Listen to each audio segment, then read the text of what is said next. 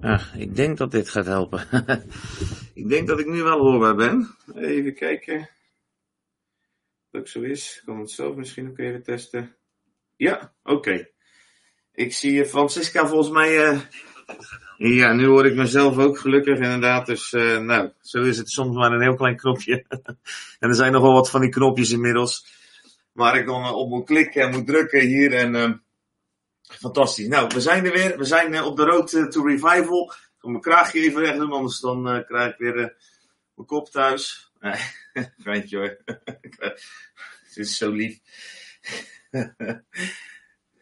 ze, vindt mij erg knap op de livestream, zegt ze altijd. Dus helemaal goed.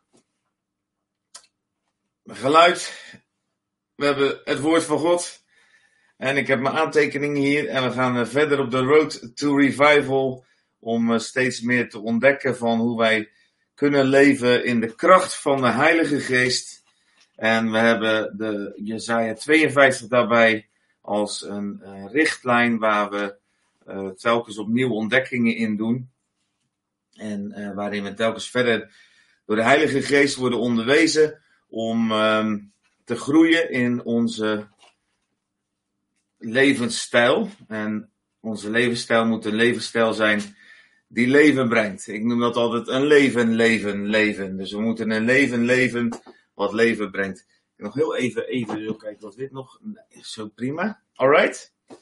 Nou, laten we maar weer eens beginnen met Jesaja 52, het stuk.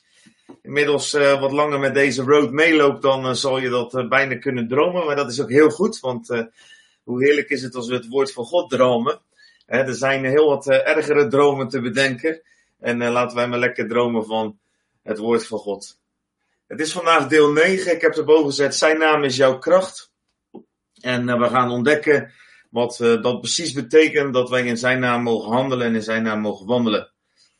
Jezaja 52, we gaan het weer lezen. Ontwaak, ontwaak, wakker worden, wakker worden. Bekleed u met kracht, Sion, trek uw mooiste kleren aan Jeruzalem, heilige stad, want voortaan zal in u geen onbesneden of onreine meer komen. Schud het stof van u af. Sta op, zet u neer, Jeruzalem. Maak de keten om uw hals los, gevangene dochter van Sion. Want zo zegt de Heer, voor niets bent u verkocht, u zult ook zonder geld worden verlost. Want zo zegt de Heer, de Heer, vroeger daalde mijn volk af naar Egypte om daar als vreemdeling te verblijven. En Assyrië heeft het zonder oorzaak onderdrukt. En nu, wat staat mij hier te doen? Zo spreekt de Heer, want mijn volk is voor niets weggevoerd en zijn overheersers doen het weeklagen. Zo spreekt de Heer en voortdurend wordt de hele dag wordt mijn naam gelasterd. En daarom zal mijn volk mijn naam kennen. Daarom op die dag zal het weten dat ik het zelf ben die spreekt. Zie, hier ben ik. En hoe lieflijk zijn op de bergen de voeten van hem die het goede boodschap, die vrede laat horen, die een goede boodschap brengt van het goede, die hij laat horen en die tegen Sion zegt, uw God is koning. Een stem. Uw wachters verheffen hun stem, tezamen juichen zij, want ze zullen het zien, oog in oog, als de Heer terugkeert naar Sion. Breek uit in gejubel. Juich te samen puinhopen van Jeruzalem. Want de Heer heeft zijn volk getroost en hij heeft Jeruzalem verlost. Nou, tot zover lezen we telkens die eerste negen versen van Jesaja 52. En ik zou je willen adviseren als je vandaag voor het eerst meekijkt of je komt dit toevallig tegen. Uh, kijk dan even op Facebook of op YouTube en luister ook de eerdere afleveringen na. Want er zit een bepaalde lijn in. Een lijn die God ook aangeeft zoals ik geloof. Dat hij een aantal stappen laat zien waardoor we die uh, een levensstijl kunnen ontwikkelen vol met kracht. En um, dat gaat over wakker worden, deel 1. Het gaat over aankleden, het stof afschudden, het opstaan. Het neerzetten, terug naar de intimiteit. Het losmaken van je ketenen. De prijs die alles heeft. Gratis en voor niets. Of zit daar toch een prijs aan? Um, en wij hebben de laatste keer nagedacht over niet geketend, maar gevangen over Egypte, Assyrië, het gevangenschap. En eigenlijk ging dat erover dat we in opstand mogen komen, op een goddelijke manier in opstand mogen komen tegen die systemen van de wereld. En vandaag zitten we bij deel 9 en ik heb daarboven gezet, zijn naam is jouw kracht. Hier je 52 vers 4 en 5 zitten we, het laatste stukje van vers 5. En ik lees die twee versen nog een keer om uh, dan vervolgens te gaan kijken wat God er doorheen wil zeggen. Vers 4 staat, want zo zegt de Heer, Heer, vroeger daalde mijn volk af naar Egypte om daar als vreemdeling te verblijven. En Assyrië heeft het zonder oorzaak onderdrukt. En nu wat staat mij hier te doen, spreekt de Heer. Want mijn volk is voor niets weggevoerd en zijn overheersers doen het weeklagen. Spreekt de Heer. Dit is eigenlijk het stukje wat we in deel 8 hebben behandeld. Ik zal heel even nog één tel deze weghalen. Want we zijn al begonnen. Anders denkt iedereen maar dat we nog steeds gaan beginnen. Maar we zijn begonnen. Dit hebben we eigenlijk vorige keer behandeld. En nu ga ik nog heel even in op dat laatste stuk. Heel de dag wordt mijn naam gelasterd. Voortdurend, heel de dag wordt mijn naam gelasterd. Dat heeft natuurlijk ook betrekking op dat stuk ervoor. Um, want eigenlijk uh, ja, is dat het effect ervan, zou je kunnen zeggen. Dus eigenlijk spreekt de Heer die zegt van door alles wat er gebeurt, door de gevangenschap en de gebondenheden, doordat we onder die wereldsystemen zitten, doordat Egypte, Assyrië mijn volk onderdrukken, wordt mijn naam gelasterd. Dus die ene die hebben een verband met elkaar. En we zullen ook gaan ontdekken vandaag wat dat verband is, ook als we het in deze tijd plaatsen, uh, in het hier en nu. Voortdurend heel de dag wordt mijn naam gelasterd. Eigenlijk zou je kunnen zeggen, toen ik er zo over nadacht, zou je kunnen zeggen, God zegt eigenlijk dit. Ik word niet zichtbaar in mijn volk. Hè? Dus als je naar die teksten ervoor kijkt, dan zegt hij eigenlijk van ja, je kan mij niet zien in mijn volk. Ik, als, als ik naar Israël kijk, dan zie ik onderdrukking en ik zie uh, dat ze ja, als een vreemdeling zijn, ze, ze, ze ik, ik kan me, mensen zien mij niet in mijn volk. En dat komt omdat ze niet in mijn wil bewegen. Dus dat is eigenlijk wat God zegt. Dat is eigenlijk een beetje zo de hoofdgedachte die je uit Jezaja 52 vers 5 kan halen. En daardoor wordt mijn naam gelasterd. Omdat, mij, omdat ik niet zichtbaar word. En dat is natuurlijk al gelijk een les ook voor ons nu en hoe wij willen bewegen. Zijn naam is jouw kracht. Ik wil een paar punten wil ik even doorheen van waarom wordt zijn naam gelasterd, ook in deze tijd. Hoe wordt zijn naam dan geëerd? En hoe kunnen we bewegen in de kracht van zijn naam? Dat zijn eigenlijk de dingen waar ik eh, vandaag bij jullie doorheen wil gaan. Allereerst die regel. Zijn naam wordt voortdurend de hele dag gelasterd. Best wel heel heftig vind ik dat ook. Als je uh, dat gewoon leest, hoe God eigenlijk dan spreekt door je zaaien heen. En, en het klinkt eigenlijk ook echt als een ja, ik, ik voelde zo het verdriet van God in zo'n zin. Van de hele dag wordt mijn naam gelasterd. Je, ik ben zelf vader en ik lees dan ook vaak natuurlijk omdat we ja, ook de openbaring hebben van God die een vader is. Dan lees ik vaak heel erg vanuit het vaderschap, lees ik ook zulke dingen. En dan voel ik zo uh, de pijn eigenlijk ook van God die daarin zit als hij zo naar zijn kinderen kijkt en hij denkt van, hoe kan het nou dat mijn naam zo gelasterd wordt? Wat, wat, wat, wat, hoe kan het dat jullie, dat ik zo weinig zichtbaar word in jullie? Hoe kan dat? En het is denk ik ook heel herkenbaar. Ook in deze tijd nog uh, kunnen we uh, dagelijks uh, ervaren, ook in deze tijd nog kunnen we dagelijks ervaren dat Gods naam gelasterd wordt. En heel erg voor de hand liggen natuurlijk de momenten dat de naam van Jezus zomaar gebruikt wordt. Uh, op, op bouwplaatsen, op schoolpleinen. Het is Jezus hier, Jezus daar, Jezus zus, Jezus zo. En, hoewel dat eigenlijk al extreem bizar is, dat de naam van Jezus dus klaarblijkelijk, nou ja, klaarblijkelijk ook nog een bepaalde kracht heeft, uh, zelfs als je het op die manier gebruikt, um, is dit nog vrij onschuldig. En ik, ik wil dat echt niet bagatelliseren, want ik weet ook dat God in zijn woord zegt dat zijn naam heilig is en dat we zijn naam niet zomaar zullen gebruiken. En dat het voor God een gruwel is als we voortdurend zijn naam gebruiken zonder dat dat kracht of inhoud heeft. Maar het is eigenlijk maar een symptoom van een onderliggend probleem. Dat in een gemiddelde pauze op een middelbare school de naam van Jezus vaker valt dan uh, in een kerkdienst is eigenlijk niet eens het probleem. Het is eigenlijk een symptoom van iets wat veel dieper ligt.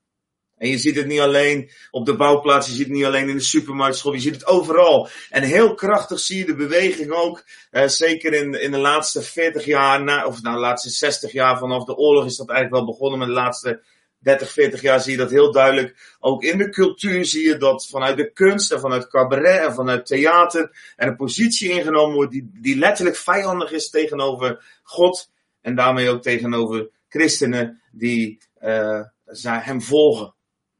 En dat zit je eigenlijk een beetje in dezelfde sferen als dat Jezaja profeteert over het volk Israël. Dus Assyrië, uh, waar we het vorige keer dan heel erg over gehad hebben. Dus ik ga daar nu niet naar terug, maar even nog om dit te pakken. De denklijn van God in Jezaja 52 en hoe wij eruit kunnen komen. Uh, Assyrië, Egypte, de wereldsystemen, dat wat de cultuur is om ons heen, de overheersende systemen, die um, hebben het voor elkaar gekregen dat voortdurend eigenlijk Gods naam gelasterd wordt. En dat wij er eigenlijk nauwelijks meer een tegengeluid op hebben.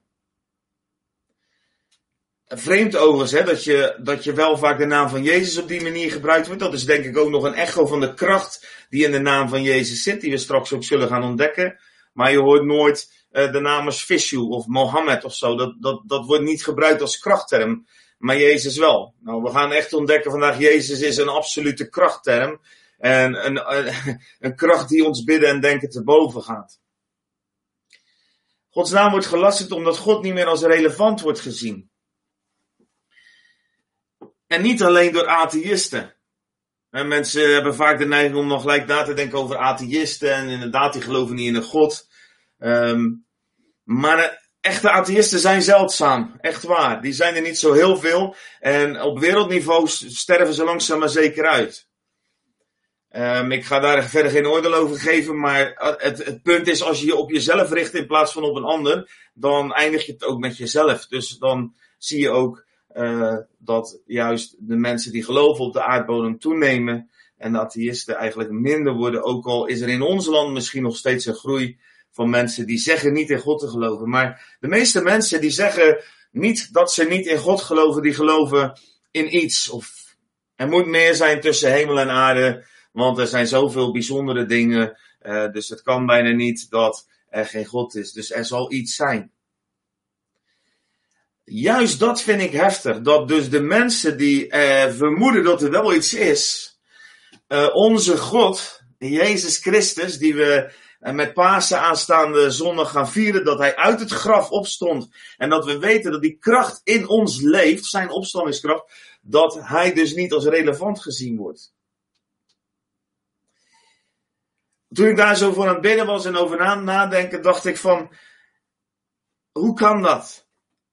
En het antwoord wat ik kreeg is eigenlijk dat Jezus tegen mij zei, of de Heilige Geest tegen mij zei, deze wereld, deze samenleving waarin jij leeft, heeft eigenlijk alleen maar een krachteloze God gezien. En als dan zoiets in mijn hoofd komt en ik geloof dat de Heilige Geest erin spreekt, dan schrik ik bijna. En denk ik, deze samenleving heeft eigenlijk alleen maar een krachteloze God gezien. Maar als ik er dan langer over nadenk, dan denk ik, ja, dat is wel waar.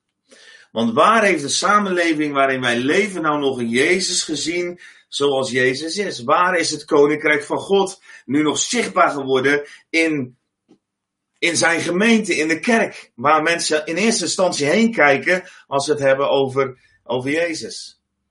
Nee, er zijn eigenlijk alleen maar narigheden geweest. Alleen maar onderdrukking en alleen maar, en neem de hele, um, seksueel misbruik wat in kerken veel plaatsgevonden heeft. Overigens worden de kerken er natuurlijk dan ook heel heftig uitgelicht, want uh, op sportverenigingen, op scholen, uh, er is overal seksueel misbruik in een gebroken wereld waarin mensen niet met, met Jezus leven, uh, zal dat ook altijd zo blijven. En in de kerk is dat niet meer of minder dan dat het op andere plaatsen is. Maar de kerk wordt eruit gelicht. Waarom?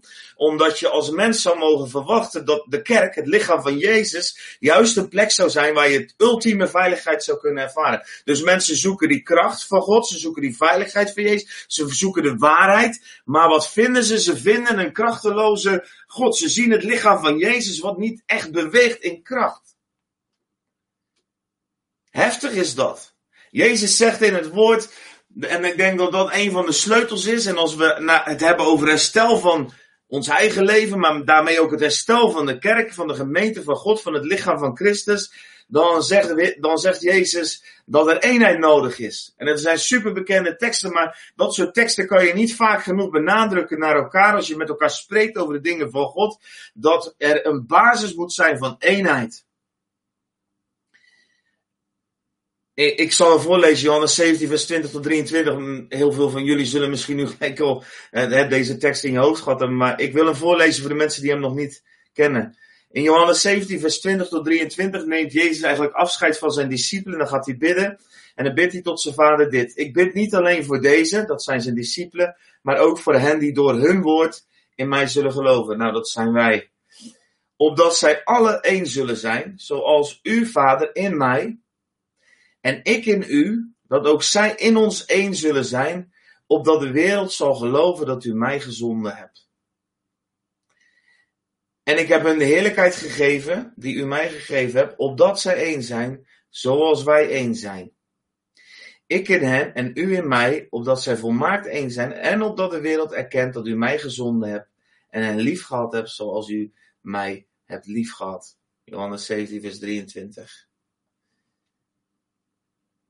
Dit zijn eh, zo'n beetje, zou je kunnen zeggen, de laatste woorden van Jezus. Het laatste gebed uh, wat hij uitgebreid bidt, waar zijn discipelen bij zijn, wat vastgelegd is in het woord.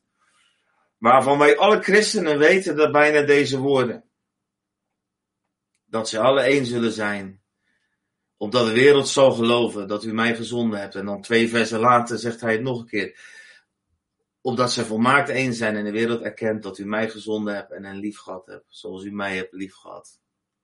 En wat ziet de wereld als ze naar de kerk kijken? Wat ziet de wereld als ze naar christenen kijken? Zien ze dan die volmaakte eenheid? Zien ze dan die liefde? Of zien ze verdeeldheid? Is er alleen maar ruzie geweest? Als je door de geschiedenis heen kijkt en je moet je maar eens verdiepen in de Nederlandse kerkgeschiedenis van de laatste 200 jaar alleen al, dan zie je alleen maar verdeeldheid, alleen maar ruzie, alleen maar scheuring, scheiding, telkens opnieuw. Uh, gaat het om wie nog de waarste waarheid hebt, zou je kunnen zeggen. Er worden nog meer beleidingsgeschriften gecreëerd, het wordt nog zuiverder gepreekt, nog duidelijker uitgelegd, enzovoort, enzovoort. Terwijl de Bijbel alleen allang heeft uh, bewezen dat de waarheid op die manier, die bestaat helemaal niet. De waarheid, dat is Jezus zelf. En hij is een mens, een persoon. En hij gaat met iedereen individuele relatie aan. Het is zo een, een, een, een, een schadelijk denken dat er een waarheid is die boven alles staat. Er is maar één zo'n waarheid, dat is Jezus zelf. En hij is de weg, de waarheid en het leven. Er is geen andere weg dan door hem tot de Vader. Maar daarbuitenom zijn er allerlei dingen waar we over van mening kunnen verschillen. Maar wat niet maakt dat wij minder één zijn. Ik, ik, ik denk dat juist vaak omdat we in kerken zo ontzettend op die leer zitten en zo, dat iedereen hetzelfde moet vinden. Hè? Overal moet je hetzelfde van vinden. Of je nou een baby in het geloof bent, of je bent volwassen in het geloof, of je nou drie dagen wandelt met Jezus, of je wandelt al 300 jaar met Jezus. Nou, 300 jaar, dat is van niemand halen op deze aarde, maar hè, je begrijpt even wat ik bedoel. Iedereen moet hetzelfde vinden. Alsof er geen processen, geen ontwikkelingen zijn. Alsof je niet op een bepaald moment iets anders kan interpreteren. Als je leest hoe Jezus met die discipelen omging en hoe hun soms zijn woorden interpreteerden, dan verandert dat voortdurend. En dan zie je daar hele kinderlijke dingen in, maar je ziet er ook fantastische uh, openbaringen in. Um, vlak na elkaar zelfs. als je, ik moet even denken aan het verhaal van Petrus, die op het ene moment beleidt dat Jezus de zoon van God is. En, en, en, en dan zegt Jezus, nou dat is bijzonder dat je dat zegt, want dat kan alleen de Vader jou geopenbaard hebben, maar je hebt gelijk. En dan een paar tellen later, of een, een uurtje later bij wijze van spreken, uh, in dezelfde flow door, uh, zegt Jezus tegen hem, geachte mij Satan, want de woorden die je spreekt, die komen, ik zeg even in mijn woorden, uit de hel. He, dus uh, Petrus die beleidt dan dat Jezus niet zal sterven en hij zal voor hem opkomen. En uh, dan zegt Jezus, je hebt het niet helemaal goed begrepen. Nou, dat is de realiteit. En als wij eenheid zouden begrijpen, maar ik ga vandaag niet spreken over eenheid, we gaan spreken over zijn naam. Maar als we eenheid zouden begrijpen, dan zouden we begrijpen dat eenheid altijd veelkleurig is. Efeze zegt dat ook. De eenheid van de christenen zijn veelkleurige wijsheid openbaar maakt aan de gemeente. Efeze 3 niet over eenheid spreken, maar denk maar aan een prachtig boeket met allerlei kleuren en allerlei vormen en allerlei dingen die uiteindelijk één eenheid zijn en aantrekkelijk is om te zien. Veel aantrekkelijker dan een eenheidsworst. En iedereen kan in zo'n prachtig boeket iets vinden wat hem of haar raakt. Het lichaam is vele leden, kent vele kleuren. En het is juist zo belangrijk dat we allemaal onze eigen kleur ontwikkelen, onze eigen positie in het lichaam innemen, ontdekken wie we zijn en waar we horen en dat we zo met elkaar gaan bewegen in eenheid. Maar de wereld, ik ga even terug naar zijn naam, de wereld heeft dat nooit gezien. Zeker niet de afgelopen uh, 30, 40, 50, 60 jaar, is er alleen maar verdeeldheid geweest. Het is daarvoor overigens niet anders geweest. Als je de hele kerkgeschiedenis doorgaat, en ik vind dat uh, dat is zeker een moeite waard. Ik hou daarvan. Ik weet niet of je er ook van houdt. Dan zie je dat er altijd druk is geweest. Altijd is er een vermenging geweest van de kerk en de wereld. En altijd is er scheuring geweest. Altijd zijn er ruzies geweest. Zelfs al werd het, um, bij ze spreken, extern allemaal nog in één kerk gehouden. De katholieke kerk heeft natuurlijk heel lang eenheid naar buiten toe kunnen bewaren. Dan was het geen eenheid. Het was geen eenheid van het hart. Maar het was een eenheid van de onderdrukker. En um, uiteindelijk haalde dat ook de kracht van Jezus weg, want het was geen eenheid. Eenheid is dat je verschillend bent, uh, maar dezelfde Jezus nodig hebt. Dus dezelfde basis nodig hebt. Maar goed, genoeg over eenheid. Maar eenheid is dus wel het probleem waardoor de, uh, de naam van God gelasterd wordt. En daar hebben we het vandaag over. Waarom wordt de naam van Jezus gelasterd en hoe kan die naam geëerd worden? Ik zal er nog twee dingen over zeggen. Twee bijbelteksten die ik daar met jullie over wil delen.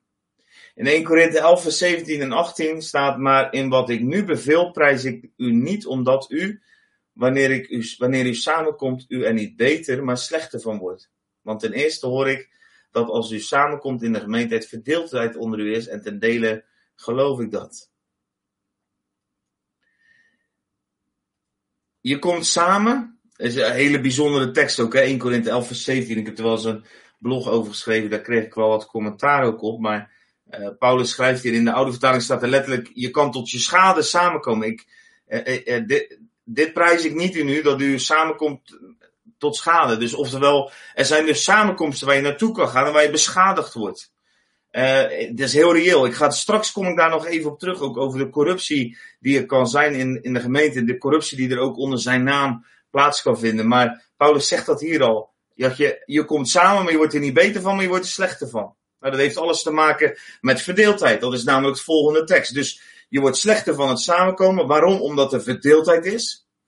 En dan als je iets verder leest in Korinthe 11, 1 Korinthe 11 vers 30. Dus dit is 1 Korinthe 11 vers 17 en 18. Dan komt er een stuk tussen over het avondmaal. Nou, je moet het maar even nalezen. En dan in 1 Korinthe 11 vers 30 dan zegt Paulus, dan zegt Paulus dit. En daarom zijn er onder u vele zwakke, zieken en velen zijn ontslapen. Dus Paulus verbindt die partijschappen, dat de samenkomen tot schade, de, de, de ruzies en verdeeldheden die er in die gemeente zijn, verbindt hij direct in het hoofdstuk met het feit dat er veel zwakke, zieken en vele ontslapen zijn onder hen. Dus vele, er gaan veel mensen dood, relatief gezien. Dit soort teksten, daar zouden we wakker van mogen liggen als revivalisten. Nou, voor mij hoef je nooit wakker te liggen, want God die uh, wil jou een goede slaap geven. Maar ik bedoel meer van, het zou ons zorgen moeten baren. Dit zouden de teksten moeten zijn waar de mensen die uh, zo gefocust zijn om de waarheid te brengen, s'nachts toch zwetend wakker worden. Doe maar toch gewoon wakker worden s'nachts. Je mag van mij best wakker liggen als je een verdeeld hart hebt en altijd verdeeldheid zoekt. Want dat is niet Gods hart. En het laat de wereld zien dat er verdeeldheid is in het lichaam. En het laat de wereld zien dat er geen kracht is. Ze zien God niet in het lichaam. Ze zien Jezus niet terug in zijn kerk. Ze zien het niet. En ze zien dus ook geen kracht. Ze zien dus ook geen genezing. En daarom zijn er veel zwakken. En daarom zijn er veel zieken. En velen zijn ontslapen zou een appel moeten zijn op ons hart. En dan kan je naar een kerk kijken, kan die hartstikke vol zitten. Daar komen we vandaan. In de jaren 70 werden er nog heel veel kerken gebouwd. Zoveel mensen gingen naar de kerk en zoveel christenen waren er. Maar binnen 10, 20 jaar was dat volledig over. Dus we hadden volle kerken, zou je kunnen zeggen. Ik heb het wel eens eerder gezegd, maar lege mensen. Zo simpel is het. Want als mensen daadwerkelijk vanuit de volheid van de Heilige Geest op die manier geleefd hadden, dan was er een andere beweging ontstaan. Maar ze waren al lang, ook zelfs in de kerk zagen ze niet de kracht van God. Zelfs in de kerk zagen ze niet het beeld van Jezus zoals het moet. En het is, daarom is het dezelfde klacht als wat Jezus, of als wat, wat Jezaja in, in Jezaja 52 zegt, dat um, de hele dag mijn naam wordt gelasterd, omdat, voortdurend de hele dag wordt mijn naam gelasterd, omdat we onder die wereldgeesten zijn, omdat er die vervreemding is, omdat um, we onderdrukt zijn. Er is die verdeeldheid, die onderdrukking, die vervreemding. En Jezus roept ons op om één te zijn. En dat is ook voor, ik weet niet in welk spectrum jij je bevindt. Ik, ik, ik zeg altijd, ik ben van Christus. Ik ben niet zo van kerken, logos en kerkmuren. Ook al vind ik het heerlijk om op zondag in de gemeente te zijn. En, en zou ik niet zonder kunnen. Uh, en, het, het moet niet zo zijn dat ze tegen mij zeggen: je bent hervormd, of je bent evangelisch, of je bent charismatisch. Want dan zeg ik altijd direct, net als mijn vrouw: nee, wij zijn van Christus omdat ik niet onder een bepaald vakje wil gestopt worden. Omdat mijn weg met God net zo uniek is als die van jullie allemaal. En dat we met gemeenschap mogen hebben met de heiligen. En dat het prima is als je in een gemeente komt. Dat is heel fijn. En, um, maar het, het, is niet, het, het gaat daar niet om. Het gaat erom dat wij leren leven in eenheid. En als we naar die kerk kijken, dan, oh dat wou ik zeggen, ja, dus dan kan je sommige charismatische evangelische mensen die denken dat ze het wiel uitgevonden hebben. Die denken, nou wij zijn zo een uh, soort geëvolueerde christenen, wij, wij, begrijpen het helemaal. Want wij hebben de Heilige Geest, uh, en, en we hebben de gaven van de Geest, voor zover ze daar dan actief in zijn, want daar heb ik ook uh, heel wat, uh, ik heb ook heel wat dode evangelische gemeentes ervaren en gezien waarin mensen ook niet in de kracht van God bewegen. Ik maak natuurlijk weer geen vrienden mee met zulke dingen, maar het is wel waar. ook daar is vaak oneenigheid, ook daar zijn vaak ruzies, ook daar zijn vaak scheuringen over de waarheid enzovoort.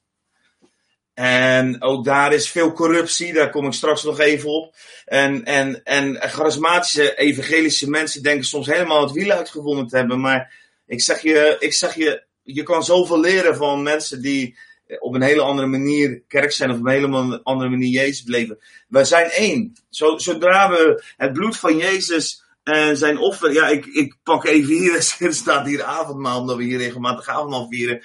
Zodra wij dat bloed van Jezus als ons levensfundament hebben ge, ge, ge, toegeëigend, dan zijn we één. Los van het gedrag of de overtuigingen van een ander. Dat is de basis van eenheid. En dan kan je met elkaar praten in liefde en waarheid. En dan kan je elkaar helpen naar een krachtige leven. Genoeg over eenheid. Zijn naam wordt gelasterd omdat we niet één zijn, dus daarom is eenheid een ontzettend belangrijk ding. Voortdurend wordt zijn naam gelast, want mensen zien God niet in zijn volk terug. Mensen zien Jezus niet in zijn lichaam terug. Ze zien een verdeeld lichaam. Onze autoriteit.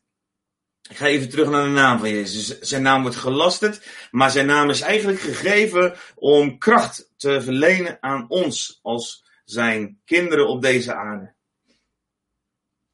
En onze autoriteit, heb ik gezegd, eh, hier geschreven, is alleen daar als wij handelen in Jezus' naam.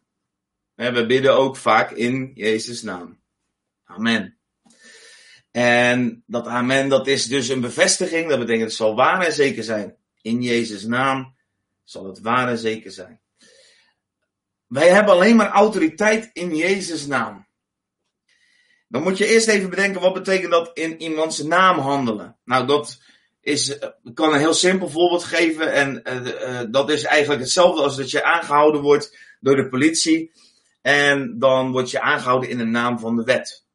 En um, laat ik zo zeggen, agent Henk, als hij niet een hele wet en een heel rechterlijk systeem en een heel land en van alles achter zich heeft staan, dan is de naam die hij zelf draagt, noem hem even Henk, uh, oom, oom agent, uh, is niet zo indrukwekkend. Zelfs het pistool wat hij dan draagt is niet zo indrukwekkend, want iedereen kan pistolen dragen die dat zou willen. En uh, iedereen kan uh, een, een knuppel meenemen op straat. Het feit dat een agent autoriteit heeft en dat mensen naar hem luisteren en het gezag accepteren, heeft niet te maken met wie die persoon is, maar heeft te maken met het systeem wat erachter zit.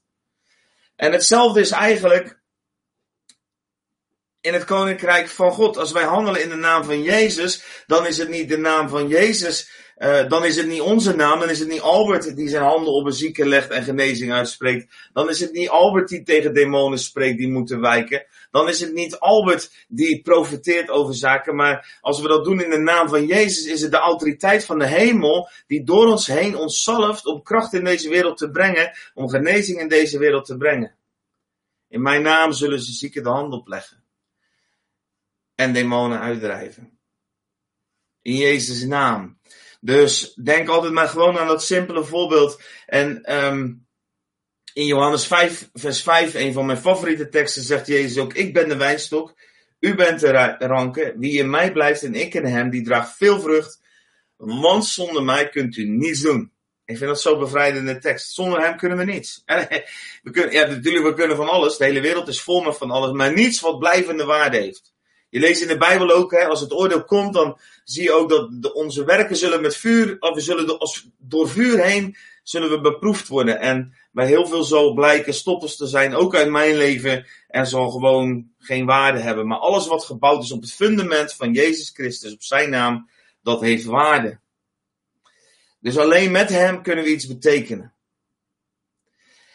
Eén side note ook hierbij. Wat me te binnen schiet, is dat hoe gezag werkt. Je ziet in deze tijd, en uh, ik voel me misschien een beetje een oude kerel als ik dat soort dingen zeg, maar dat roep ik eigenlijk al 15 jaar, dus toen was ik nog sowieso heel jong, dat ben ik nog, maar um, is dat als wij uh, heel veel grappen maken, dat zie je eigenlijk de laatste 10 jaar heel veel komen, of de laatste 20 jaar misschien al wel, uh, dat er heel veel grappen worden gemaakt. Overal mag je grappen over maken, maar ook vooral over gezag. Uh, ik kreeg wel eens vroeger van die filmpjes opgestuurd van uh, iemand die dan, dat was dan bij de Wereld Draait Door. Volgens mij, ik ben niet zo heel erg thuis in de mediawereld dingen allemaal, dus je moet me dat maar vergeven als ik het niet goed zeg. Maar daar was een standaard een soort item, dan maakten ze grapjes over Willem-Alexander.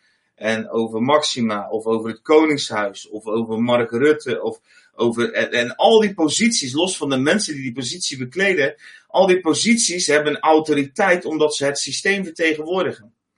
Als wij niet meer begrijpen wat gezag betekent, dan krijg je dus ook een soort anarchie in de maatschappij. Dat zie je ook overigens gebeuren, want uh, heel vaak zie je op maandag de kranten vol staan met allerlei rellen die er zijn tegenover de politie, ambulance medewerkers, al dat soort mensen, die lijden er eigenlijk onder dat het gezagsdenken in de maatschappij totaal corrupt geworden is, totaal verdwenen is. Dat is echt een ernstige zaak, want het werkt door in gezinnen, dat werkt overal in door. En, en mensen die begrijpen niet dat gezag eigenlijk een middel is om je tot bloei te brengen. Dat komt ook weer omdat het een reactie is op dat gezag vaak gebruikt is om mensen te onderdrukken. Maar we slaan daarin door. Dus we, gaan, we beseffen helemaal niet meer de waarde van gezag. En een land wordt natuurlijk vo volkomen onbestuurbaar.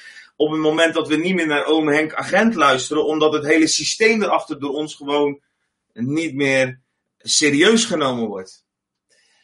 En datzelfde geldt ook in geestelijke principes. En daarom is corruptie in het koninkrijk ook een zeer slechte zaak. En ik wil daar ook iets over delen, omdat alles te maken heeft met hoe de naam van God gebruikt en gezien wordt en gelasterd wordt.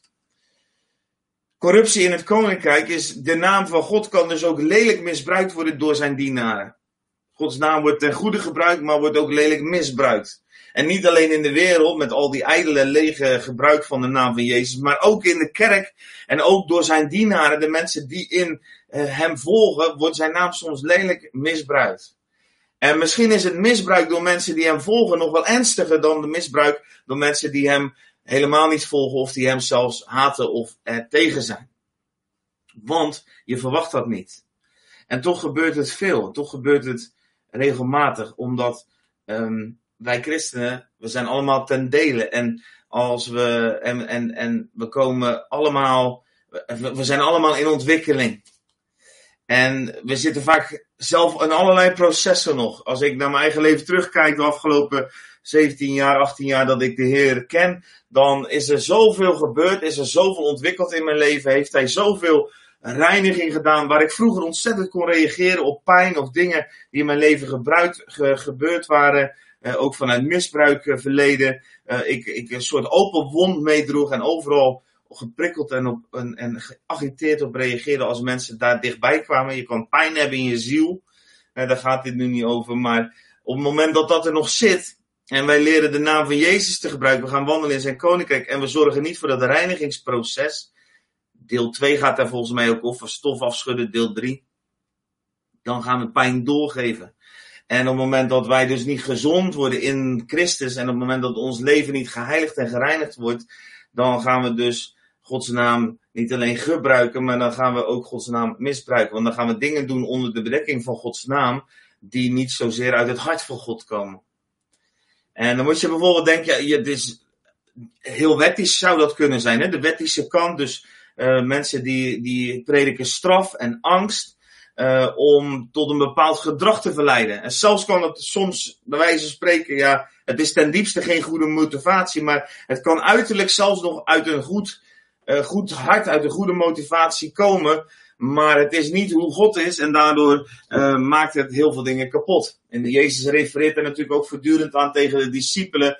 En gaat soms enorm tekeer, zou je gewoon best wel kunnen zeggen, tegen die mensen die anderen verhinderen om in te gaan omdat ze het koninkrijk toesluiten, uh, de regels nog erger maken dan, dan een muggenzifter. dat woord komt daar ook vandaan uit die Bijbeltekst. Jezus zegt zelfs, als jullie een bekering maken, maken jullie nog erger dan jezelf. Zoon van de hel. Het wettische, dus op het moment dat we zelf nog angstig zijn, ergens in ons leven nog schuld, schaamte, angst omdragen. Um, de weg naar God niet duidelijk hebben, niet geloven dat Jezus de weg de waarheid is, niet geloven dat Jezus voor iedereen gestorven is, dan komt er dus een wettische bedekking. En onder die bedekking gebruiken we toch de naam van God. En omdat we de naam van God gebruiken en het woord van God, heeft dat een enorm effect op de mensen die onder dat woord zitten. Mozes, uh, Mozes uh, 2 Korinthe 3 spreekt zelfs over, letterlijk over een bedekking die op mensen komt op, als de wet wordt voorgelezen. Dus het wettische is een, een, bedekking, is corruptie in het koninkrijk. De naam van God wordt wel gebruikt, maar het wordt door misbruikt door de diepste beweegredenen die er nog achter zitten. Dus als wij op de road to revival zijn, als wij revivalisten zijn, dan moeten we de wet verre van ons houden. Moeten we spreken vanuit waarheid en genade. Nou, daar heb ik in deel 7 volgens mij heel uitgebreid over gehad. Wat je ook veel ziet aan corruptie in de naam van Jezus in het koninkrijk, en ik noem het corruptie omdat, omdat dat is hetzelfde als in, um, in, de, in, in de wereld, in de maatschappij. Uh, een rechter of een politieagent kan corrupt zijn. Hij heeft het hele systeem achter zich staan. Dus hij kan namens het hele systeem, namens de wetgeving, namens het land, kan hij spreken. Maar vervolgens zou hij uh, het wel voor eigen gewin kunnen doen door de boete ik heb vroeger, wij waren ooit, dat is een grappig verhaal om hier even te benoemen, uh, eh, 19 jaar geleden, wij kenden Jezus toen overigens helemaal nog niet, daar gaat het ook niet om, uh, waren wij in Tsjechië en dat was toen een land wat net open was. Ik denk net dat het één of twee jaar op dat moment echt toegankelijk was voor toeristen. Nou, dat was een hele bijzondere ervaring hebben we daar gehad. En, en, uh, maar in ieder geval, was ook, het was ook zo, als je dus bekeuring kreeg, dan kostte dat Nederland, in Nederland omgerekend misschien, weet ik, voor vijf gulden in die tijd nog. Maar wat er dan gebeurde is, je kreeg geen bonnetje, maar dat geld dat was dan weg. Dus ik bedoel daarmee, als je dat ook letterlijk meemaakt, dan begrijp je hoe, hoe corrupt dat eigenlijk is. Dus het systeem wordt gebruikt om jou te manipuleren of te misbruiken of iets voor eigen gewin te laten doen. In de naam van het systeem, in de naam van het land, in de naam van de wet. Terwijl het eigenlijk gaat om jezelf. Dus het gaat niet om die hogere naam. Nou, dat is een heel belangrijk principe, daarom noem ik het ook corrupt. Uh, omdat uh, corruptie is dat misbruiken van het systeem voor eigen gewin. En dat, daarom even terug waarom ik het woord corruptie gebruik. Ik noem het woord corruptie wel vaker in dit verband. Dus onder het wettische kan dat. Het kan ook manipulatie zijn, dus het eigen belang. Uh, in, in de kerk zie je gewoon veel toverij. Dus mensen, hun wil wordt gevangen genomen en uh, dat, noem, dat noemt de Bijbel toverij. Als je de wil van mensen gevangen noemt, dat is manipulatie, is eigenlijk hetzelfde. je, je gebruikt eigenlijk, je misbruikt eigenlijk de autoriteit die God geeft. De naam van God over een plaats, de naam van God over een persoon die in een bediening staat, een gezag geeft. Die kan de naam van God misbruiken voor eigen belang. Um, Denk bijvoorbeeld aan in, in evangelische charismatische kringen kan dat profetie zijn wat op die manier misbruikt wordt. Dat iemand zegt van ja, en ik geloof echt dat jij uh, nou dat en dat moet doen en de wc schoon moet maken. Ik noem even iets simpels, maar ik, ik heb eigenlijk heel veel voorbeelden die echt uit de praktijk komen. Maar die zal ik hier niet delen omdat dat misschien te herkenbaar is. Maar um, er is een nood en iemand lost die nood op in de naam van de Heer. Opeens profiteert diegene precies dat wat net nodig was. Hoe is het mogelijk? Hoe is het wonderlijk? En hoe heeft God weer voorzien? En een, een paar maanden later loopt iemand eigenlijk die daar ondergekomen is tegen een burn-out aan. En soms kan dat zelfs een paar jaar later zijn. En uh, die merkt dat de deuren dichtgaan, omdat het eigenlijk helemaal niet Gods wil is. En is daar achterloos ingegaan en heeft zelf niet gecheckt of dat daadwerkelijk ook de wil van God was. En dat is natuurlijk in al geheel de manipulatie die je vaak ziet in kerk, is dat, ze, dat we leren om, ik zou bijna eerlijk willen zeggen, niet zelf te denken. En het heftige is dat juist de Bijbel ons zo aanmoedigt om zelf die relatie met God te ontwikkelen. Dat is overigens, daar gaan de komende twee teksten over, dus daar zal ik nu ook niet te veel op ingaan. Het eigen belang boven het belang van de persoon. Manipulatie, toverij, corruptie in het koninkrijk. Voor financieel gewin.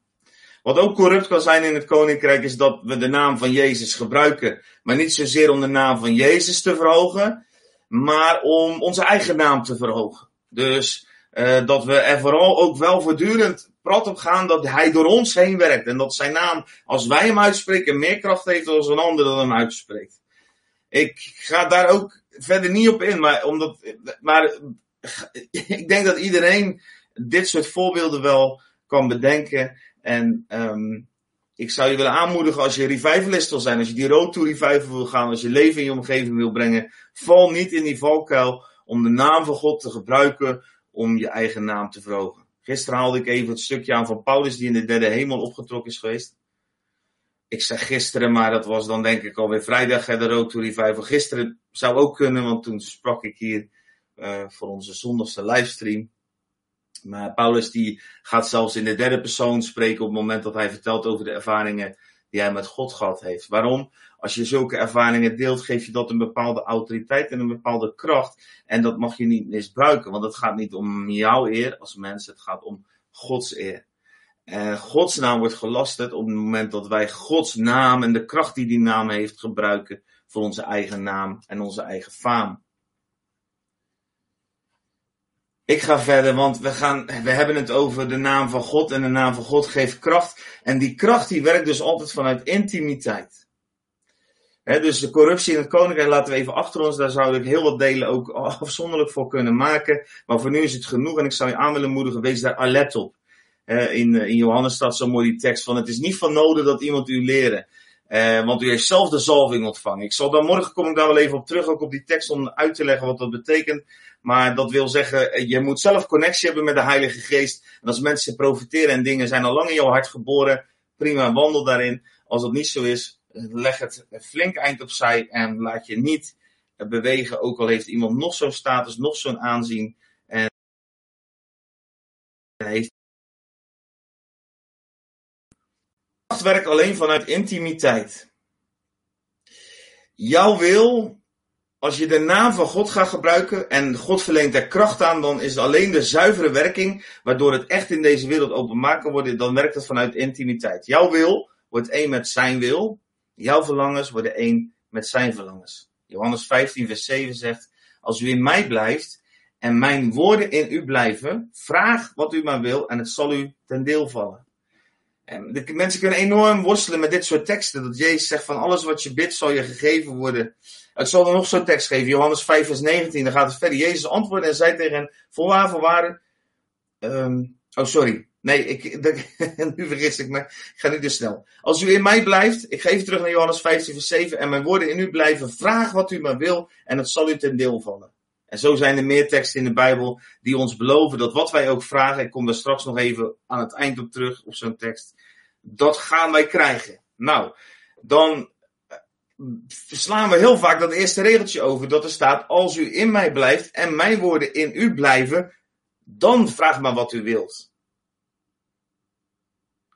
Oh, ik zie dat het beeld stilstaat en mijn woorden nog wel te horen zijn. Nou, ik ga dan gewoon maar verder, eh, want ik weet ook even niet wat ik daar nu aan kan doen. Als u in mij blijft en mijn woorden in u blijven, vraag wat u maar wilt en het zal u ten deel vallen. Als u in mij blijft en mijn woorden in u blijven, dat is wel de sleutel naar het begrijpen van deze teksten, naar het begrijpen waarom gebeden verhoord worden uh, door God. Want je, hetzelfde principe kom je tegen in dat Jezus zelf zegt van, in Johannes 5 vers 19 staat er bijvoorbeeld, ik zeg u, voorwaar, voorwaar, ik zeg u, de zoon kan niets van zichzelf doen als hij dat niet de vader ziet doen. al deze wijzen. Er is dus een intimiteit nodig.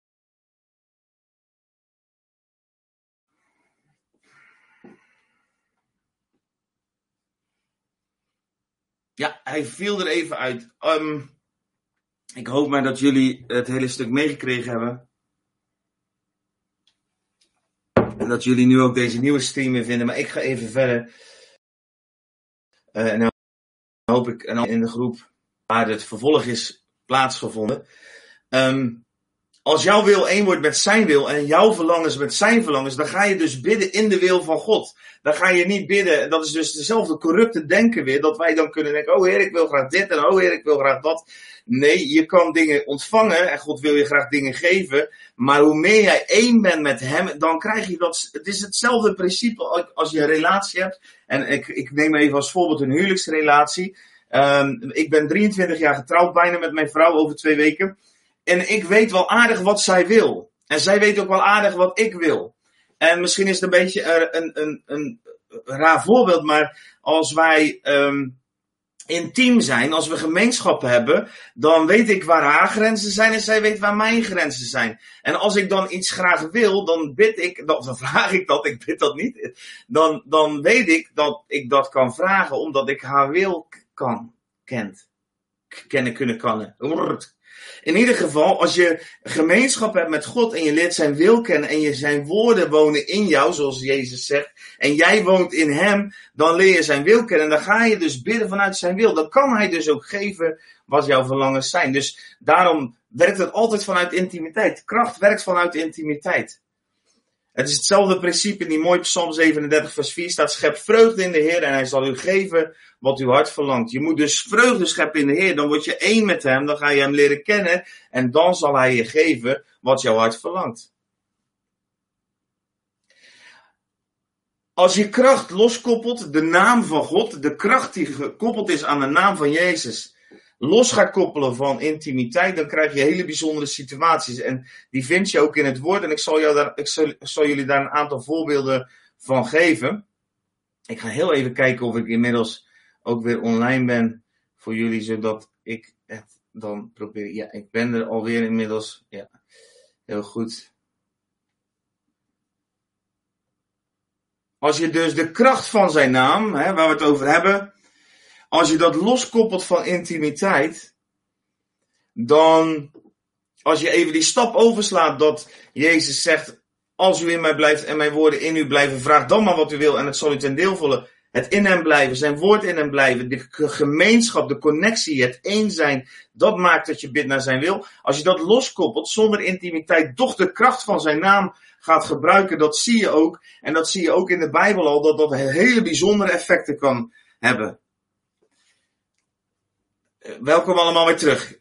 Die, ik ga jullie een aantal voorbeelden geven nog uit de Bijbel. Handelingen 19 staat een verhaal uh, van um, enkele van de rondtrekkende Joodse duivelsbezweerders waagden de naam van de Heer Jezus uit te spreken over hen die boze geest hadden. En ze zeiden dit, wij bezweren u bij Jezus die door Paulus gepredikt worden. Het waren zeven zonen van Seva, een Joodse overpriester die dit deden. Maar de boze geest, de demon, die antwoordde en zei, Jezus ken ik. En van Paulus weet ik af. Maar wie bent u? En de man in wie de boze geest zich bevond, sprong op en af. En toen hij hen overmeesterd had, bleek hij sterker dan zij, zodat ze naakt en gewond het huis uitvluchten. Eén man die zeven mannen het huis uit jaagt en in hun naki. En dan staat er, dit werd bij alle bekend, zowel bij Joden als bij Grieken die in Efeze woonden. En ontzag overvielen allen en de naam van de Heer Jezus werd groot gemaakt.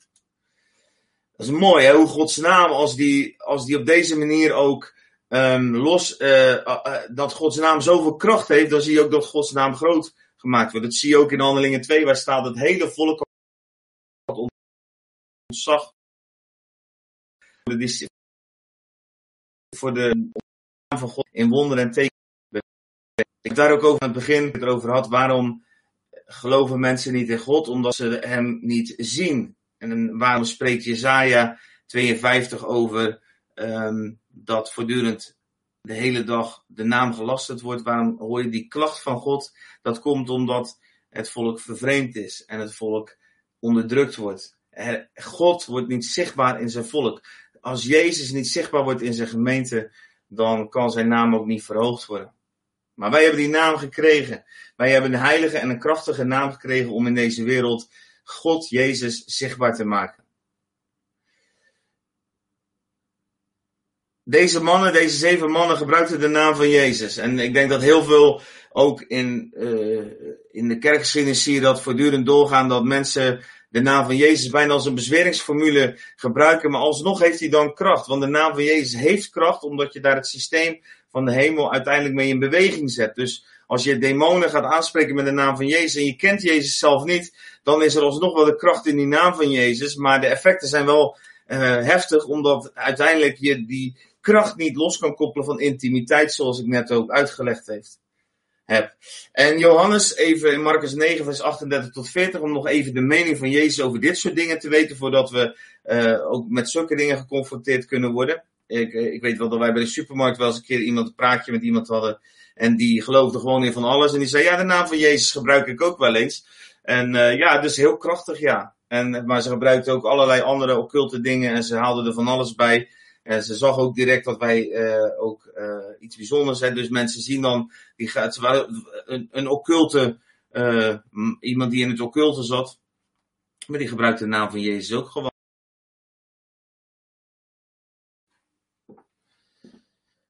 Dus zonder dat er intimiteit is, kunnen mensen alsnog die naam van Jezus wel gebruiken. Gek genoeg. Um, ja, hij viel er weer even uit, dus ik even van mijn apropos af.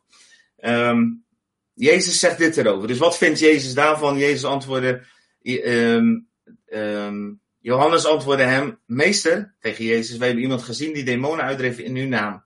Iemand die ons niet volgt. En wij hebben het hem verboden omdat hij ons niet volgt. Maar Jezus zei, verbied het hem niet, want er is niemand die een kracht zal doen in mijn naam en kort daarna kwaad van mij zou kunnen spreken.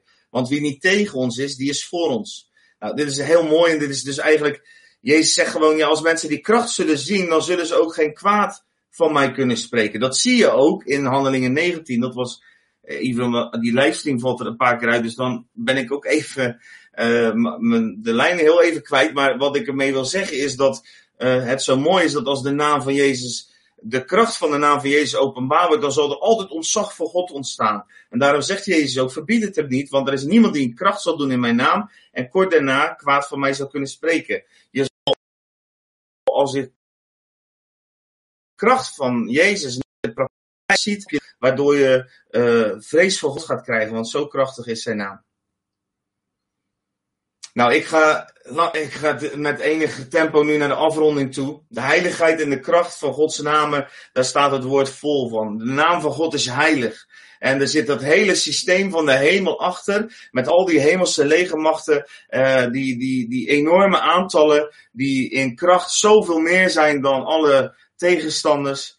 En op het moment dat we in aanraking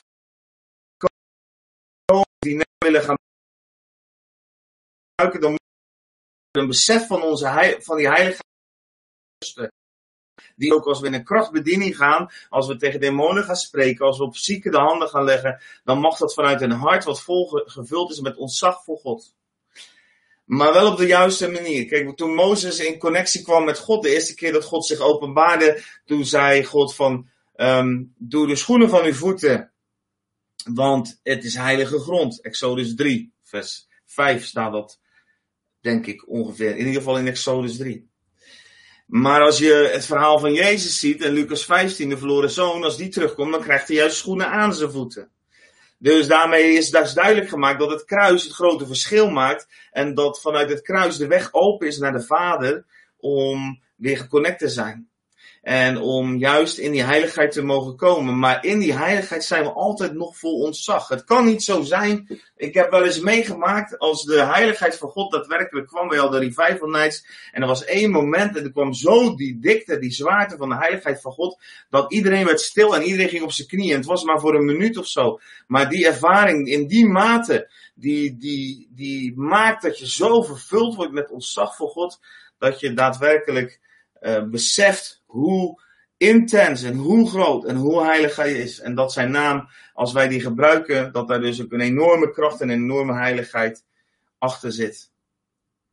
En zijn naam heeft heel veel betekenissen en ik ga daar nu niet op in. Dat is eigenlijk een hele aparte studie, maar hij heeft zoveel mooie namen. De God van het begin, de levende God, de God van mijn verlossing, de God van mijn kracht. Hij is geneesheer. Hij is de, de Yahweh, Jireh, God zal voorzien. De God van shalom, van vrede. De Yahweh. Ik, ik ben zoveel.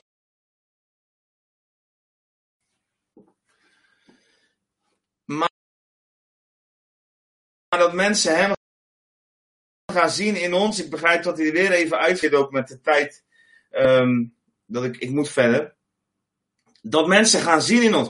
Dus de, de, de vraag is vanuit de hemel eigenlijk, wil jij gaan in mijn naam, in mijn kracht? En wil je mij daarmee zichtbaar maken in deze wereld, zodat mensen mij kunnen zien in jullie, zodat ik verheerlijkt zal worden, mijn naam verhoogd zal worden, er een ontzag komt voor mijn naam, in plaats van dat mijn naam gelasterd wordt door allerlei ruzie en verdeeldheid.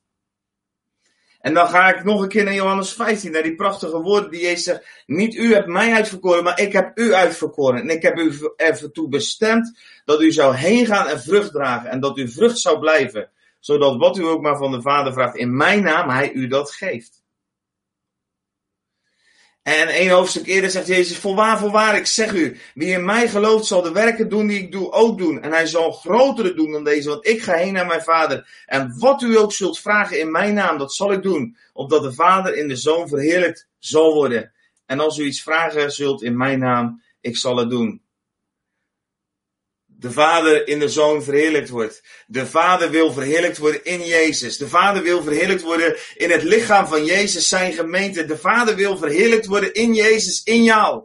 Want jij bent het die Jezus zichtbaar kan maken op deze aarde. En dat de naam van God voortdurend de hele dag gelasterd wordt, zoals Jesaja 52 zegt. Wat ook in onze maatschappij absoluut een, een ding is. Dat roept ons alleen maar meer op om te gaan staan. Zodat de naam van God vol ontzag genoemd zal worden. Zodat mensen weer de kracht en de wonderen en de tekenen zullen zien voortvloeien uit het lichaam van Christus. Als de kerk opstaat, als de gemeente één wordt, als we elkaar gaan vinden van hart. Maar ook als jij vandaag nog ervoor kiest om te gaan bewegen in die kracht om die naam van God met eerbied op je lippen te nemen. Om die naam van God met zorgvuldigheid toe te passen. Vanuit de intimiteit. Niet vanuit corruptie. Maar dat je die naam van God op je lippen neemt om waarheid en kracht en gerechtigheid en rechtvaardigheid te brengen in deze wereld. Om genezing uit te spreken, om heling te spreken, bevrijding. Om, om demonen op de vlucht te jagen, om steden te veranderen. Als jij gaat bewegen in die kracht, dan wordt Jezus zichtbaar. En dan zal er een ontzag komen voor zijn naam. Dan kijkt de wereld niet meer naar de kerk die ze achterloos aan de kant kan schuiven, omdat God daar nooit zichtbaar is geworden, of nauwelijks zichtbaar is geworden. Maar dan gaat de wereld en de maatschappij kijken naar de kerk die opstaat in kracht, die het stof afschudt, die zichtbaar wordt, die in die positie gaat staan, in die autoriteit, en waar de kracht van de naam van Jezus, waarvan duidelijk is dat die kracht niet in hun eigen leven, niet in hun eigen naam of in hun eigen ideeën eh, eh, gefundeerd is, maar dat die kracht volledig vanuit de hemel komt, vanuit de hemel naar deze aarde komt in de naam van Jezus. En dat is mijn gebed ook voor jou. En als jij vandaag luistert, wil ik je vragen wie die keuze wil maken. Die keuze wil maken om zijn naam. Met eerbied. Maar ook met kracht. Maar ook met bewustheid.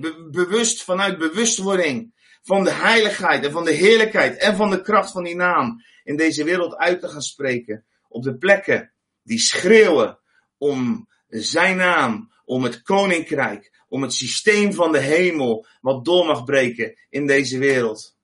Zodat zijn naam eer zal ontvangen en niet langer gelasterd zal worden. Als jij die keuze met mij wil maken, wil ik je vragen om je hand op je hart te leggen als een teken voor God. Dat je hart beschikbaar is.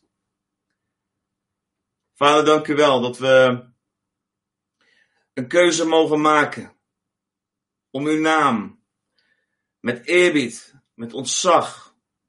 En niet met corruptie.